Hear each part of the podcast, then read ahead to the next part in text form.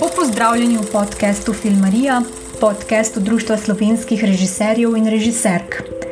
Danes gre za nekoliko posebno epizodo, s katero zaključujemo letošnjo že drugo sezono in se do konca avgusta odpravljamo na krajši poletni oddih.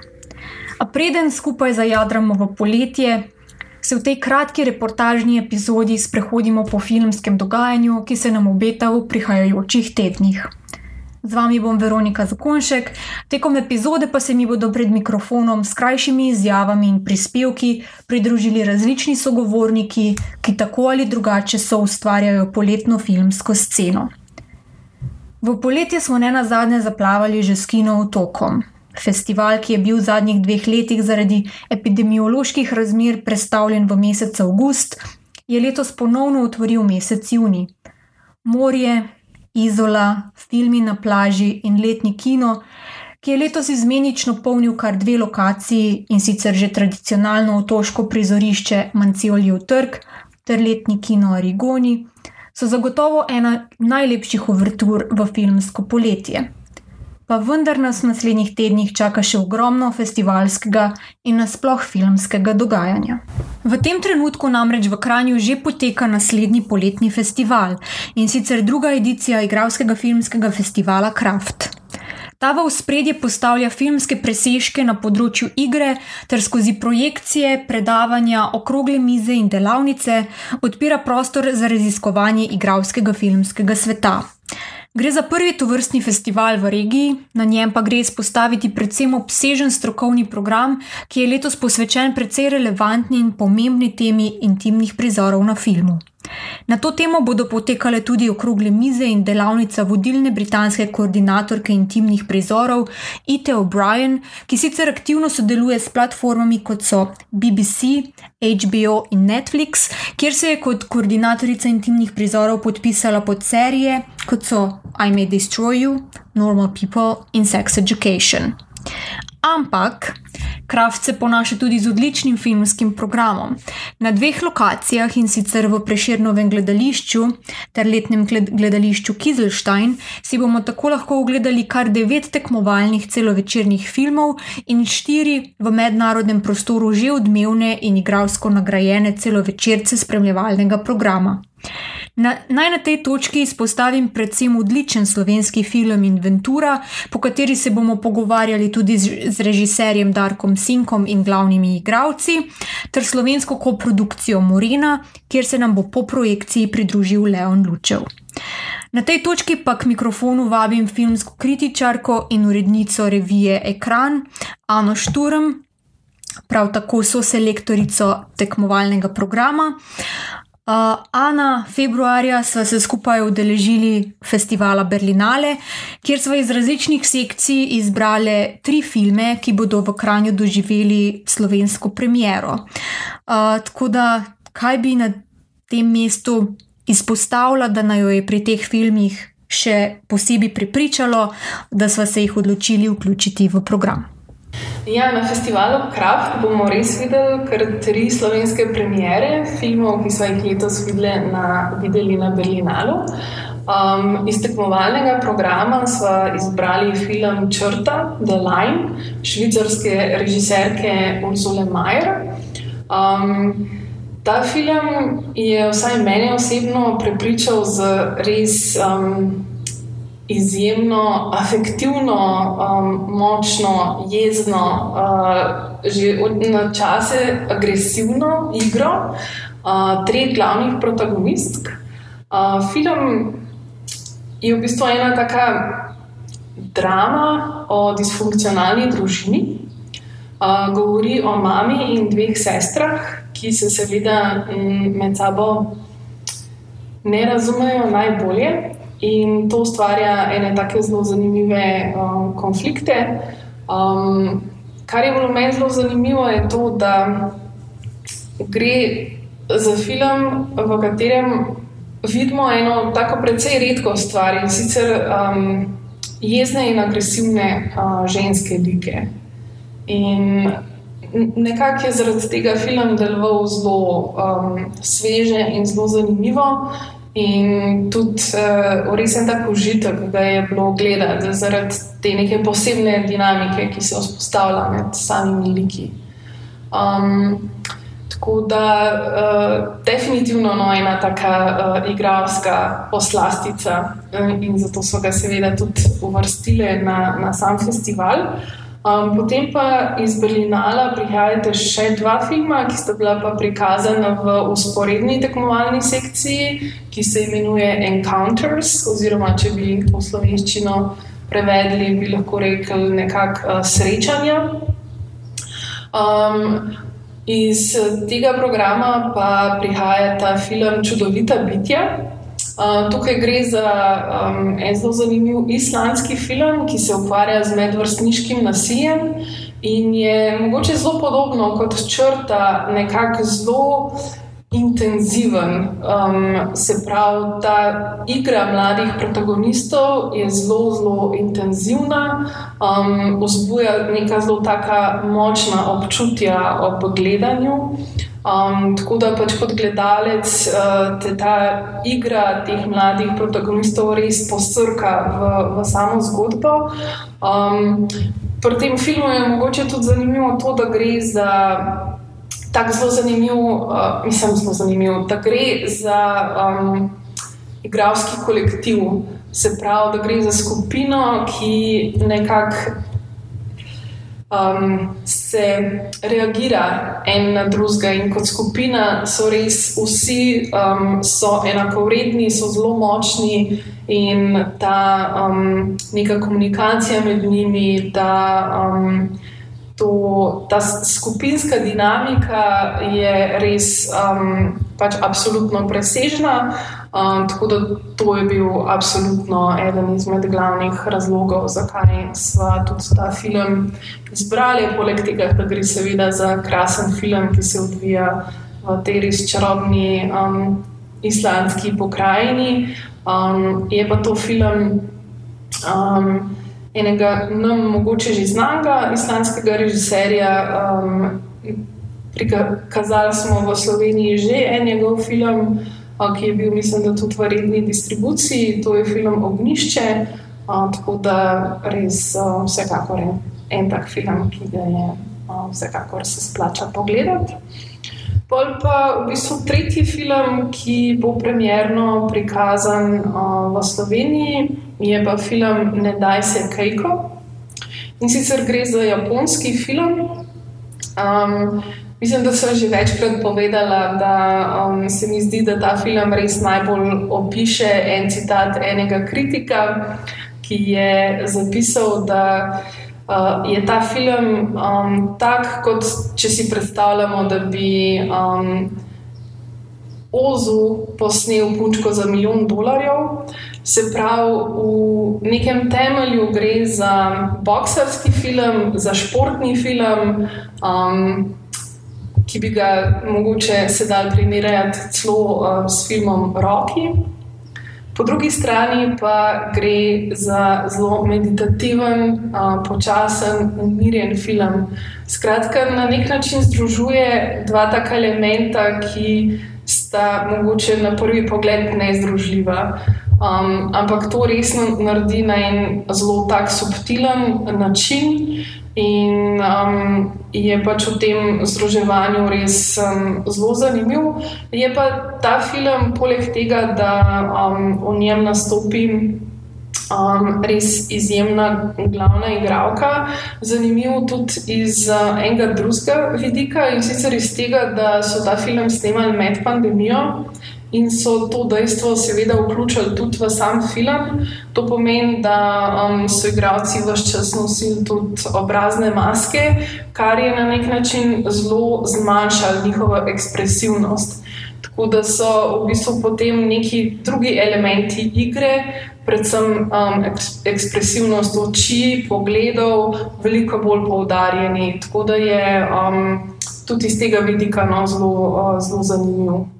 Že 20. junija pa v Ljubljano in deset drugih mest po Sloveniji ponovno prihajajo projekcije in spremljevalni dogodki, ki bodo v okviru festivala migranskega filma osvetljevali različne obraze migracij, azila ter življenja beguncev. Tudi tokrat bodo v spredju aktualne zgodbe o realnostih tistih, ki so bili prisiljeni svoj dom zapustiti, bodi si zaradi vojn, kršitev človekovih pravic, revščine, pohlepa korporacij ali drugih razlogov. S filmskimi zgodbami in prispevki gostov bodo opozarjali na nasilne meje, evropski rasizem in ženske na poti. V okviru festivala migranskega filma pa bo letos zaživelo tudi kinodvorišče Atri slovenskih železnic mestnega kina Kinodvor.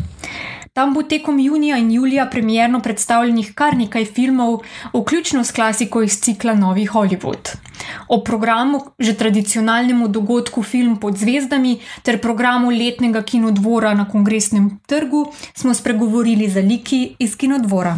Aliki, te dni ste v kinodvoru odprli vrata kinodvorišča, vašega atrija slovenskih železnic, kjer boste v bistvu v juniju in juliju premjerno predstavili kar nekaj zanimivih filmov. Um, pa v sodelovanju s festivalom Druga godba se nam tudi obetata dva glasbena dokumentarca, uh, tudi nek pogovor v okviru festivala Migranskega filma. Tako da, če mogoče na kratko predstaviš malo ta program. Um, pa če se ne motim, se obeta tudi še ena filmska klasika iz cikla Novi Hollywood. Tako, da... tako, tako, ja. Zdaj, kinodvorišče smo odprli z otoškim filmom Lud. Lucu. Žal nismo uspeli biti na kinodvorišču, ker je bilo premrzlo, ampak zdaj vremenska napoved kaže v redu. Potem pa nas do zaključka prvega dela čakajo še premjere v juniju, tudi otoška Memorija, potem pa 1. julija Sončni zaton in potem čist za zaključek. Uh, film Gasparja Noeja, Lux Eterna, ne najnovejši, eden prej, mislim, prejšnji od Vortexa, ampak tudi se zdi neka taka zanimiva, mogoče vaja v slogu, ampak to ste vi večje ekspertke, boste prišle pogledati ali pa ste že videli, pa boste ocenili. Aha, še eno sem pozabila, naslednji teden, 15. junija, pa Pariz 13. okrožje, Žako Diar, njega tudi že kar nekaj časa nismo gledali. Tak fajn filmček. Sploh je vse filme na kinodvorišču, se mi zdi res fajn gledati eno tako prijetno prizorišče. Zdaj, tik preden bomo končali s tem dvoriščem v Juliju, pa še mm, peti film iz cikla Novi Hollywood, francoska zveza The French Connection. Bomo dirkali po ulicah New Yorka z Ginom Hackmanom, to se zelo veselim. Od posameznih projekcij lahko izpostavlja še kot si umenila dve projekciji, druga godba v Kinodvoru, gre za dva glasbena dokumentarca. Here we move, here we groove, tega smo pripravili v sodelovanju s festivalom Migranskega filma. Tudi protagonist tega filma, DJ Robert Soko, pride uh, v Kinodvor oziroma na festival in nam bo po filmu vrtel muziko na kinodvorišču. Držimo pesti, da bo lepo vreme, ker so te dogodki tam res, res fajn. Potem pa še 30. junija, kralji Rumbe o v bistvu razvoju te, o, te zvrsti glasbe v Kongu. Na kinodvorišče se pol vrnemo spet 9. augusta in smo tam do 20. augusta in potem boste v sklopu druge godbe v kinodvoru tam še trije filmi. Ja, bo za vas. Ja. No, vmes se pa v bistvu že tradicionalno selite na Ljubljanski grad, tako film pod zvezdami. Um, kaj že lahko tle, ja. namignete, kaj se ja. nam obeta? Uh, tako bom rekla, ne, pač od 14. julija do 6. augusta, vsak dan drug film, okvirno bo pet novih naslovov. Um, pa kar dobro bojo zastopani slovenski avtori, to nas še posebej veseli, tudi en čist nov bo imel premjero gor. Um, kar nekaj filmov bo kar dolgih, zato ker je pač bila taka letina, ne, da so kar dolgi filmi. Um, tudi kar nekaj muziklov bo. Tako da se mi zdi, da to bo. Pač ljudje imajo radi take filme, ne, in pač nagrado pa to res dobro zgodi. Pa pa še čisto za zaključek poletja, 22. do 25. augusta, letni kinodvor na kongresnem trgu, štiri filmske klasike, ena iz cikla Novi Hollywood za zaključek, kabaret, Bob Fosse, to bo da best. Začnemo pa s To Be or Not To Be. Da, the best. In mislim, da drugi dan je pa In the Mood for Love. Wow. Ja. Se pravi, malo Hongkonga, Ja. malo Pač kabaret ima 50 let, to be or not to be, ima ne vem, koliko verjetno je neka obletnica, ampak mal dal večja, se zdaj ne spomnim. In da Mood for Love smo hoteli imeti, mislim, da pred dvema letoma, pa je bila korona, tako da bo zdaj kao 20 plus 2, kako že. Uh, Ma pa ta Tony Leon, glavni igralec, na 60 let, da je je eno Ja, okrogla. tako. Pa seveda te projekcije so brezplačne. brezplačna. Med 30. junijem in 2. julijem pa se bo v Hrastniku odvila že druga edicija festivala delovskega filma, ki sliši na ime Kamerat. O festivalu, ki odpira vedno relevantno temo delovskih pravic, vrednot in solidarnosti, smo na kratko spregovorili s programskim vodjo festivala, direktorjem fotografije Simonom Tanškom. Simon, s festivalom delovskega filma um, prizorišča postavljate v um, rudniške jame in druge zapuščene industrijske objekte v Hrastniku um, in v bistvu v njih naseljujete kulturo. Če nas lahko na kratko sprehodiš po teh prizoriščih in nekako razložiš, kako je prišlo do te ideje združevanja delovskih prostorov in kulture, um, pa kaj je bil razlog, da ste festival postavili prav v Hrastnik. Ja, razlog je bil ta, kot veste, ta težka industrija počasi uh, uh, uh, propada. Ne? Eh, In v Hrastniku se tudi nekako končuje, oziroma se je že končala era rudarstva, in ostali so neki rudniški prostori, ki jih je pač občina odkupila, in smo rekli, da damo jim nek nov namen. Ne? In smo se odločili, da pač ta festival eh, delovskega filma postavimo v bivše rudniške objekte. Eh, Letos bomo imeli tri lokacije, dve sta isti kot lani, to je kompresorska postaja in pa rudniški rov. Eh, Nova lokacija, ki nadomešča lansko Vašhavo, to je kopalnica, kjer so se rodari kopali, je pa letos eh, bivša rudniška delavnica. Poleg tega je pa še en spremljevalni dogodek, ki se bo odvijal v Mašinhausu. To je pač en prostor, kjer je velik eh, tak kolo, ki je pač spuščal z ogromnim liftom rodarje dol v jamo. Uh, okay, gre v bistvu za festival, ki odpira zelo relevantno in pomembno temo um, delovskih pravic, vrednot in solidarnosti. Um, to temo bo, boste letos osvetlili s 16 filmi, razdelili ste jih v štiri sklope. Tako da, če lahko mogoče najprej razložiš, kaj so ti sklopi, um, kako je nekako potekal izbor filmov, pa um, na kire filme bi mogoče posebej opozoril, da jih je vredno ujeti na festivalu. Jale, izbor filmov je tako potekal, neki, neki je še od lani ostal, ker smo imeli velik nabor, ne? neki se je pač novih pojavljal, pojavljal filmov. Uh, sklopi so uh, v bistvu uh, kratki filmi, uh, do, uh, celovečerni filmi, uh, dokumentarni filmi in pa imamo državo v fokusu, ki je letos Češka republika, ki imamo tri filme iz Češke republike. Poudaril bi, težko je kaj poudariti, ker vsak film je pač vreden ogleda. Poudaril bi recimo. Letos smo rekli, bomo tudi malo te klasične filme dali, podaril bi te Škrjančki na niti od Iržija Mencla z leta 1969. V ta sklop bi mogoče dal tudi film Po isti poti se ne vračaj. Uh, mogoče bi omenil dva novejša filma, Junaki delovskega razreda, srpski igrani film uh, Miloša Pusiča, ki bo verjetno tudi gost festivala, se še dogovarjamo, in pa dokumentarni film Hrvaški tovarne delovcem, režiserja Srdžana Kovačeviča, ki tudi pride v kot gost festivala. Letos je novost tudi ta, da bomo predvajali štiri AGRFT filme, študentske filme, ki so nastali v zadnjih petih letih. Med njimi tudi sta dva dokumentarna, dva igrana. To je nekakšna novost letos.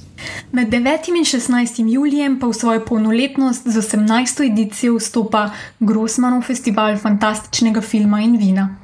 In kot se za 18. spodobi, med časna gosta ne prihajata nihče drug kot Robert England, a.k.a. ena največjih ikon grozljivega filma Freddy Krueger, in Jack Shoulder, ki se je med velikane žanrskega filma opisal že svojim prvencem, kultno grozljivko Alone in the Dark iz leta 82, ter svojo kariero kmalo zapečatil s prvim in najbolj transgresivnim nadaljevan nadaljevanjem filmske serije o Krugerju, maščevanjem v ulici Brestov. In za vse poslušalce mlajših generacij, Robert England trenutno straši tudi v zadnji sezoni serije The Stranger Things. Obema gostoma bodo letos posvečene filmske retrospektive, ujeli jo boste lahko tudi na javnih pogovorjih, filmski festival pa bo postregel še s posebnim poklonom stoti obletnici filma Nosferatu, retrospektivo korejskega grozljivega filma ter izborom najboljših aktualnih žanrskih filmov z vsega sveta. Vsi fani žanrskega filma in grozljivk si torej rezervirajte sredino julija, gre za festival neverjetno dobrega vzdušja, vsakoletne zombi parade in pa seveda dobrega vina. Med 4. in 6. avgustom bo v Slovenki potekal tudi mednarodni festival kratkega filma Shots Film Festival, pomemben dogodek, ki skrbi za decentralizacijo filmskega dogajanja, sicer močno skoncentriranega nad Ljubljano, pa se bo med 16. julijem in 24. avgustom odvil tudi v Mariboru. Govorimo seveda o letnem kinu Minoriti, kjer si bo mogoče vsako soboto in sredo ob 21. ogledati bogat nabor najboljših filmov preteklega leta. O letnem kinu Minoriti in letošnjem programu smo spregovorili z njihovim programskim selektorjem, novinarjem in filmskim kritikom Žigo Brdnikom. Ma, mal nam povejo o letnem kinu Minoriti. Začeli ste s tem projektom leta 2017. Um, kako je kako je nastala ta pobuda, kaj pomeni to v bistvu v prostoru, v mariborskem prostoru, glede na to, da čez leto v bistvu nimate nekega art kina um, in da imate pa te poletne mesece, da nekako izkoriste. Ja, v bistvu se je začela kot pobuda nekdanjih eh, članov inicijative, ki, ki je obudila kinoudarnik in ko se je potem kinoudarnik uh, zaprl, smo se mogli, kako bi rekel, regrupirati, na novo sestaviti in hitro je prišla ideja, da bi res prekrasno auditorij Ludkone gledališča Maribor uh, predstavili filmske projekcije, ki je in tudi auditorij je bil takrat razmeroma neizkoriščen, večino poletja. Zdelo se nam je samo pač zmagovalna kombinacija, ker je ambient tam res čudovit. Um, zdaj, letos smo dobili še DCP projektor občinski, tako da imamo tudi uh, opremo, uh, smo v nekem smislu samo zadostni. Pa tudi v Ljudku, na nasprotni strani platna, smo začeli art kino program pomladi in jeseni ob podpori občine, tako da Očitno se je ta, to drevo minoritsko razraslo tudi v dvorano in upamo, da bo še širilo še naprej. Um, lahko mogoče zdaj še malo o programu, o programiranju, um, kako se lotiš sestave programa, tako da je neki verjetno malo bolj za um, art, kino navdušence in da se pač neko širšo mariborsko publiko nagovori. Ja, mislim, točno, točno to v bistvu na nek način uh, razmišljamo o tem, kako sestaviti uh, en pregled najboljše filmske produkcije leta. Uh, Seveda pa tudi uh, niso samo neke uspešnice na metanje, ampak lovim tudi neko rdečo nit. Zdaj, recimo letos bo tema eh, naravo varstvo, narava. Dobili smo tudi zelo dober slovenski dokumentarec, eh, zgodba o Save, reki Save. Bo tudi premjerno prikazana na minoritih, dokumentarec Snežni Leopard, ki tudi je čudovit, čudovito posnet, pa še, kaka, še kakšna premjera za sladokusce. Drugače pa, ja, kot eh, si rekla, art kino. Hkrati pa tudi probamo kakšnega malo bolj komercialnega ujeta, ampak seveda pa mora biti na kakovostni ravni, na ravni, da zadosti kriterijem dobrega filma. Oh. Dosti krat pa tudi dodamo še kakšno kinotečno projekcijo, pa filmske pogovore o premjerih, torej o premjerah. Ponavadi so to filmske ekipe iz Slovenije ali pa iz bližine Slovenije. Tako da probamo res neko celovito zaokrožen program o filmski umetnosti predstavljati. Razen če bi še kaj. Ja, ne, lahko, lahko še par naslovov No, da, da, uh, zaenkrat lahko pač povem, ker vse še ni potrjeno. Uh, prikazali bomo premiero filma Belfast uh, od Kenneta Branagha, najboljši britanski film leta. Potem pa bo letos kar močno v znamenju slovenskega filma, poleg eh, zgodbe o Savi, bo tudi premjera filma Orkester z filmsko ekipo in a, orkestrom zasavskim, ki bo naredil žur tudi na minoritih. Potem bo dokumentarec o zmagi košarkarjev na Evropskem prvenstvu od Gorana Vojnoviča 2017. Morena, slovenska koprodukcija, ki je lani uh, dobila zlato kamero v Vulkanu. Uh, to je pa zaenkrat to, ostalo pa naj ostane skrivnost. Kot je omenil Žiga, to poletje v kina širom cele Slovenije prihaja težko pričakovani celovečerec Matevža Luzerja, Orkester. Gre za izjemen film o zasavski pihalni godbi, nek antropološki zares v našo kulturo, alkoholizem, v samo slovenstvo, ampak za več informacij o filmu in tem, zakaj ga moramo nujno ujeti v kinu, besedo predajam kar Matevžu samemu. Uh, Matevž v prvih dneh avgusta svojo ljubljansko premiero končno doživlja tvoj nov celovečerni film Orkester, ki na to kmalo zaštarta distribucijo po celi Sloveniji. Um, gre za film, ki je nastajal kar nekaj let tvojega življenja, uh, ki ste ga v bistvu zaključili snemati tik pred prvim izbruhom korone. Um, Tako da, če nam lahko na kratko predstaviš, kako se je sploh rodila ideja za ta film, pa po, potem mogoče nek kratek opis oziroma sinopsis filma za poslušalce.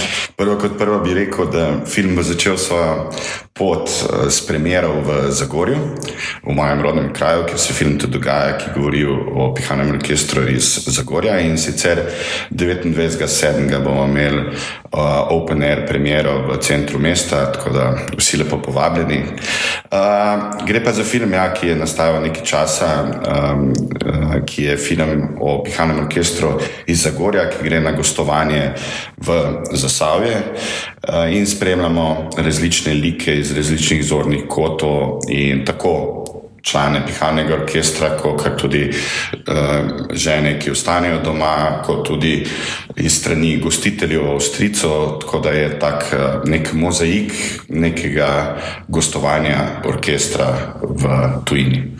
Um, film je nastajal res šest, šest let, mali posledica raziskovanja teme, mali je seveda posledica korone. Uh, velika posledica je tudi samega financiranja filma, ki, kot vemo, se je v letu 2020 popolnoma ustavilo. In me zelo veseli, da končno bo lahko film prišel pred slovenske gledalce in uh, bi vse lepo povabil v kina. Uh, nekako planirano je pa je, da z premjero v Zagorju se štarta distribucija, ki bo potekala v avgusta, uh, predvsem na Open Air prizoriščih. Tako da, kot se menila, v Ljubljani bo nagrado, v Zagorju bo v središču mesta, potem pa seveda po vseh prizoriščih, ki bojo uh, po Sloveniji uh, Open Air in seveda potem tudi v kinu.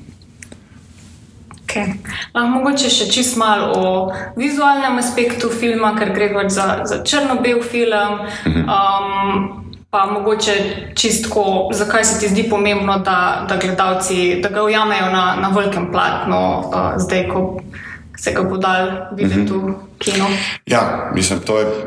Kaj je argument za veliko platno, je vedno veliko, uh, sproža veliko debato. Uh, mislim, da s tem, ki gremo v kino, v bistvu namenimo filmu nek svoj čas, nek fokus in na nek način lahko najbolj uh, celostno uh, doživimo film. In iz tega mislim, da ne samo. Um, uh, ta film, da je potrebno videti na platnu. Mislim, da uh, vse filme je treba videti na platnu. Uh, seveda pa razum, razumljivo je to, da jih danes gledamo tudi na drugih nosilcih, uh, uh, ker se tehnologija tako spremenja. Uh, bi pa rekel, sam vizualni stil uh, z direktorjem fotografije Simonom Tančkom so se odločili po predlogu uh, scenografinje Kate Šoltes, da gremo v črno-belo estetiko, da nekako še bolj poudarjamo same karakterje in da v bistvu na nek način ta film naredi ta uh, črno-bela fotografija tudi brezčasno. Uh, in je nekaj, kar je tudi meni zelo blizu. In uh, hkrati pa meni osebno dal zelo uh, veliko um, neko distanco na nek način, ker sem le govoril o ljudeh, ki jih vsak dan srečujem, vsak dan uh, jih poznam celo svoje življenje, uh, ker je film dejansko um, v večini. Um, so naturščiki, to so v bistvu um, člani orkestra, ki so prvič bili pred kamero. Med 10. in 14. avgustom pa bo zelenico muzejske ploščadi na Metelkovi polnil tudi festival Poletje na platnu in med platnicami, ki nastaja v sodelovanju Ljubljane, UNESCO-vega mesta literature in slovenske kinoteke. Gre za festival, ki ustvarja most med literarno in filmsko umetnostjo in ki brezplačne filmske projekcije pospremlja z raznolikimi predavanji in debatami o presečiščih knjige in filma. V letošnjem programu, katerega rdeča nit bo še posebej aktualna tema tiskanih medijev in novinarstva, smo spregovorili s sodelovko kinoteke Ano Šturm. Uh, letos se bo zgodila že peta edicija uh, poletnega filmsko-literarnega dogajanja, dogajanja na zelenici letnega kina Slovenske kinoteke, ki je na muzejski ploščadi uh, Metelkova. Njegova letošnja tema pa je v luči kulturno-političnega dogajanja zadnjih dveh let nekako še posebej aktualna in pravzaprav nujna. Tako da, Ana, kaj je v bistvu geslo letošnjega festivala in uh, kakšne vsebine lahko v sklopu tega pričakujemo? Uh, gesla trenutno še nimamo, um, ker še delamo na eni udarni, um, enem udarnem sloganu. Ampak ja, letos smo se, v bistvu osnovna uh, ideja za letošnjo temo je v bistvu izhla, izšla iz uh, praznovanja 60-letnice revije Ekran. Um, prva številka revije je šla leta 1962. Um, tako da smo se nekako poigrali z idejo, da bi letošnjo um, temo posvetili uh, tisku. Um, smo pa potem večkrat razširili tudi na um, samo temo novinarstva, ker se mi zdi, da se je predvsem letos. Um, res znašlo pod žarometi, tako s tem, kar se je dogajalo na televiziji, um, pa tudi še s kakšnimi drugimi dogodki. Tako da nekako nek glavni fokus bo novinarstvo, potem pa znotraj malo ožji, um, bo malo ožja tematika, bo, oziroma nek večji del programa bo bo posvečen tiskanim medijem. Tako da en večer, recimo, pripravljamo prav posebej sodelovanje revije Ekran in revije Literatura, kjer bo um, nek pogovor pred filmom tekel predvsem o stanju filmske in literarne kritike in uh, prostora za neko umetniško kritiko v medijih na splošno. Um, ob tem pogovoru, oziroma po tem pogovoru, bo sledila projekcija filma Izgubljene iluzije, uh, ki je sicer um, posnet po literarnem delu um, od Balzaka. Uh, tako da nekako, um, kot seveda. Um, sugerira, sugerira tudi sam naslov tega dogodka, poletje na Platnu in med platnicami.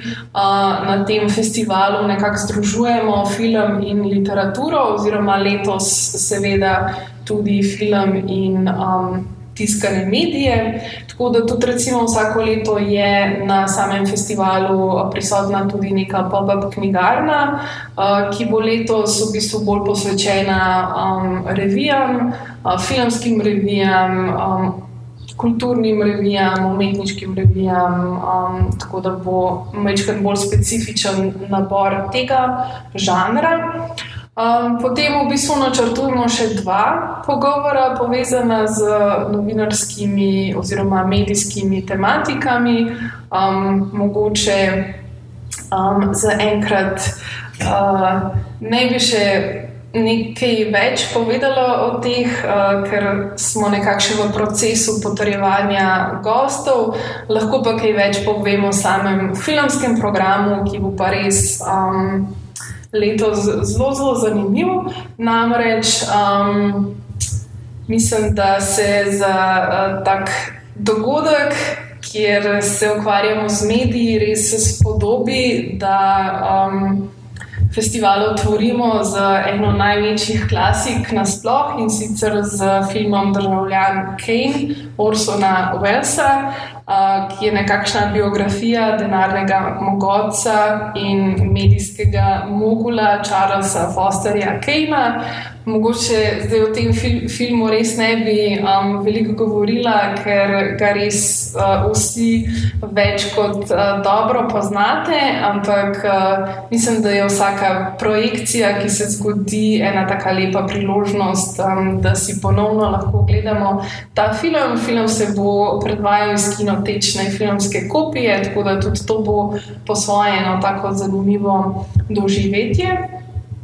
Potem načrtujemo, um, omenila sem že projekcijo filma Izgubljene iluzije.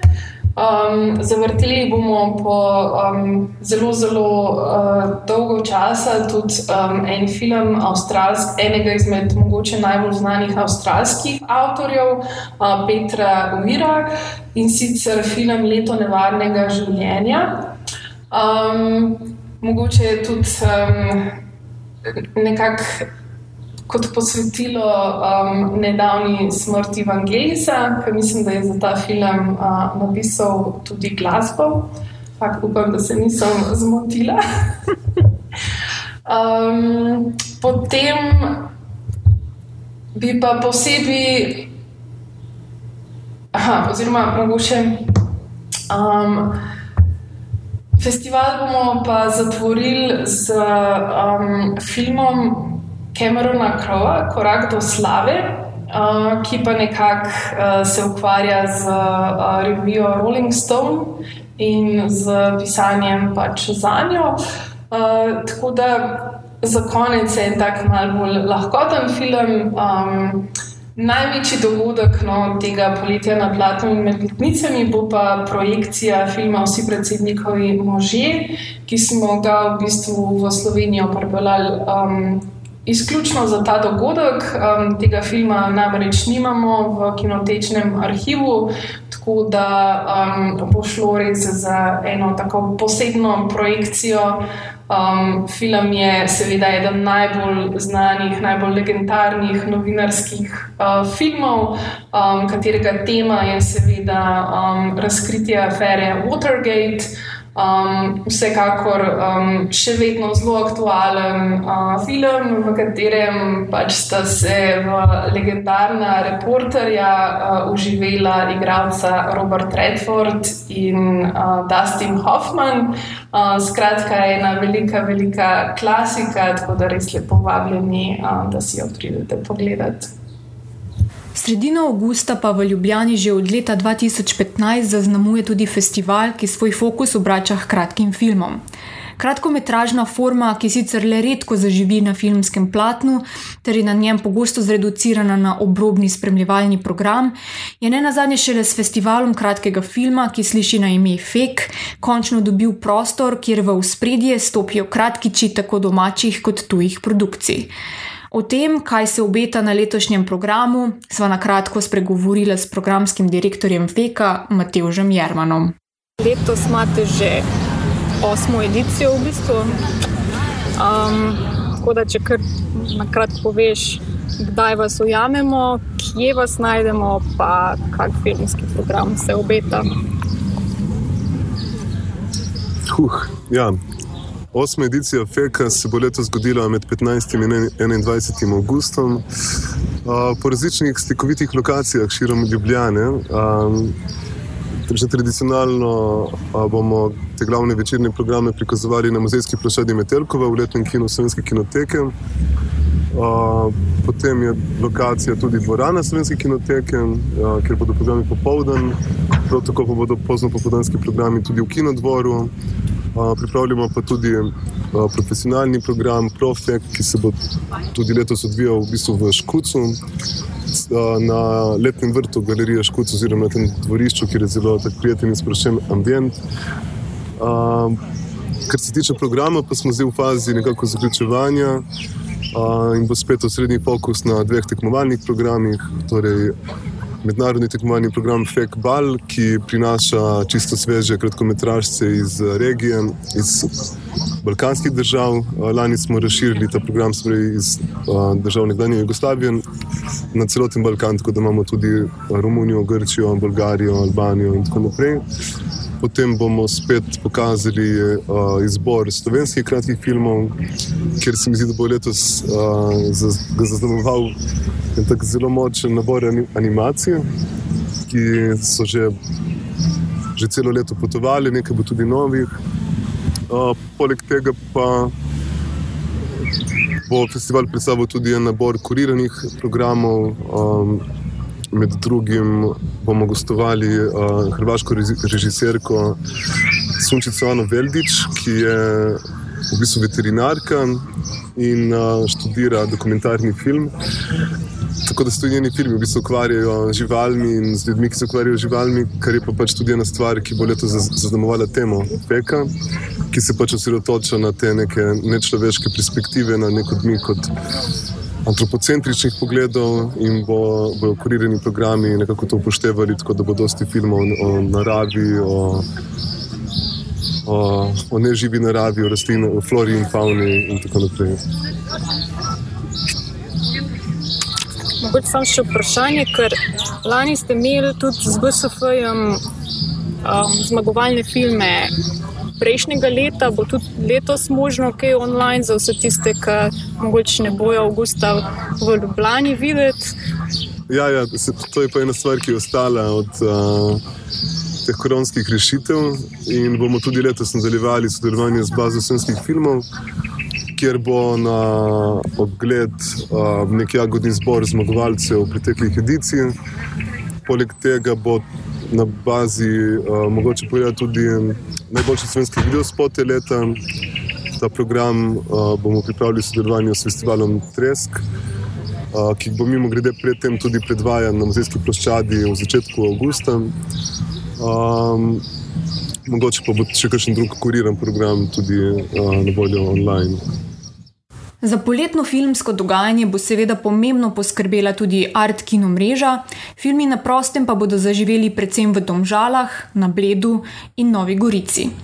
Za vse, ki vam čas ali geografska umeščenost ne boste omogočala obiska naštetih dogodkov, pa izpostavljamo tudi spletno bazo slovenskih filmov, kjer njeni ustanovitelji že načrtujejo prav posebne ležerne poletne filmske programe. Na kratko o njihovem poletnem programu Jasna Pinterič. Razloži malo, kaj kaj načrtujete za poletne mesece z bazo slovenskega filma, če bojo kakšni posebni kurirani programi, kaj malo bolj poletnega. Uh, ja, v bistvu načrtujemo kuriran program, uh, ki se bo vsak teden menjaval. Bo pa šlo za posebne izbore iz naše stalne zbirke. Uh, namreč uh, zdaj po pol leta, uh, odkar imamo video na zahtevo, opažamo, da se gledalci zahtev, uh, zatekajo vedno k podobnim vsebinam, in smo se odločili, da iz naše obsežne zbirke, ki uh, z dneva v dan rase, uh, bomo v bistvu izpostavljali filme čez poletje. Um, tako da upam, da bodo uh, gledalci preživljali najbolj vroče dele dneva z nami in bo njihov uh, najboljši zaščitni SPF, BSF. To je best. Um, sem še to, šlo bo pa in za kratke, in za celovečerne, in za animirane filme. Tako je, vsak teden v bistvu sklop uh, dostak mešan, uh, tako da bo in igrani, dokumentarni, animirani, za odrasle, za otroke, tako da uh, bo res pester izbor vsega. Poslušali ste podcast Filmarija, ki ga izdaja Društvo slovenskih režiserjev in režiserk s podporo Slovenskega filmskega centra Javne agencije Republike Slovenije. Producentka Zala Opara, tehnična izvedba Veronika Zakonšek.